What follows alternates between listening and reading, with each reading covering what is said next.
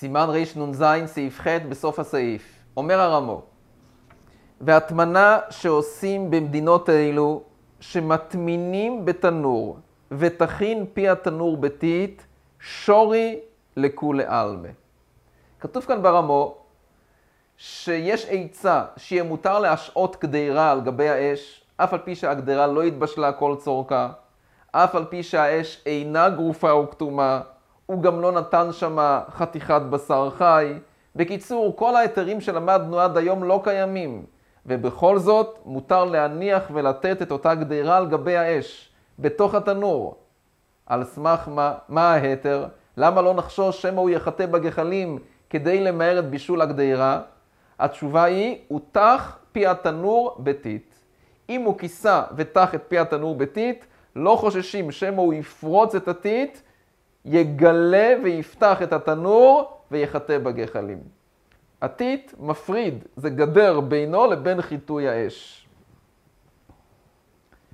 עוד אומר הרמו, מצווה להטמין לשבת. מצווה להטמין לשבת. מה העניין?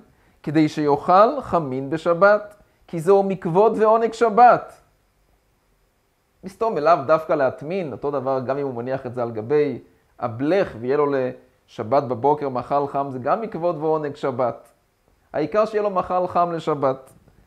וכל מי שאינו מאמין בדברי החכמים ואוסר אכילת חמין בשבת. למה? אולי הוא חושש שגם אם הגדרה מתבשלת מעצמה יש בזה בעיה.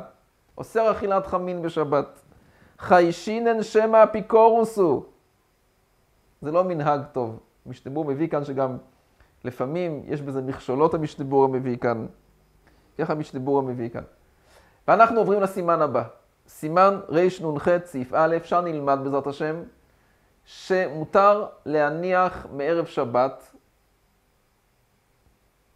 קדירה שיש בה מאכל על גבי קדירה חמה, אף על פי שהחום של הגדרה התחתונה מחמם את הגדרה העליונה. ואף על פי שהגדרה העליונה מכוסה בבגדים. מכוסה בבגדים. בכל זאת, אין בזה בעיה של הטמנה בדבר המוסיף אבל. ולמה? המשתבור מסביר משום שהגדרה התחתונה, אף על פי שהיא חמה, אבל אין אש תחתיה. היא חמה מחמת שבישלו אותה בערב שבת, אבל כל הזמן החום הולך ומצטנן. אז אף על פי שכרגע היא חמה והיא מוסיפה אבל, בכל זאת הדין הוא שמותר. נקרא בפנים.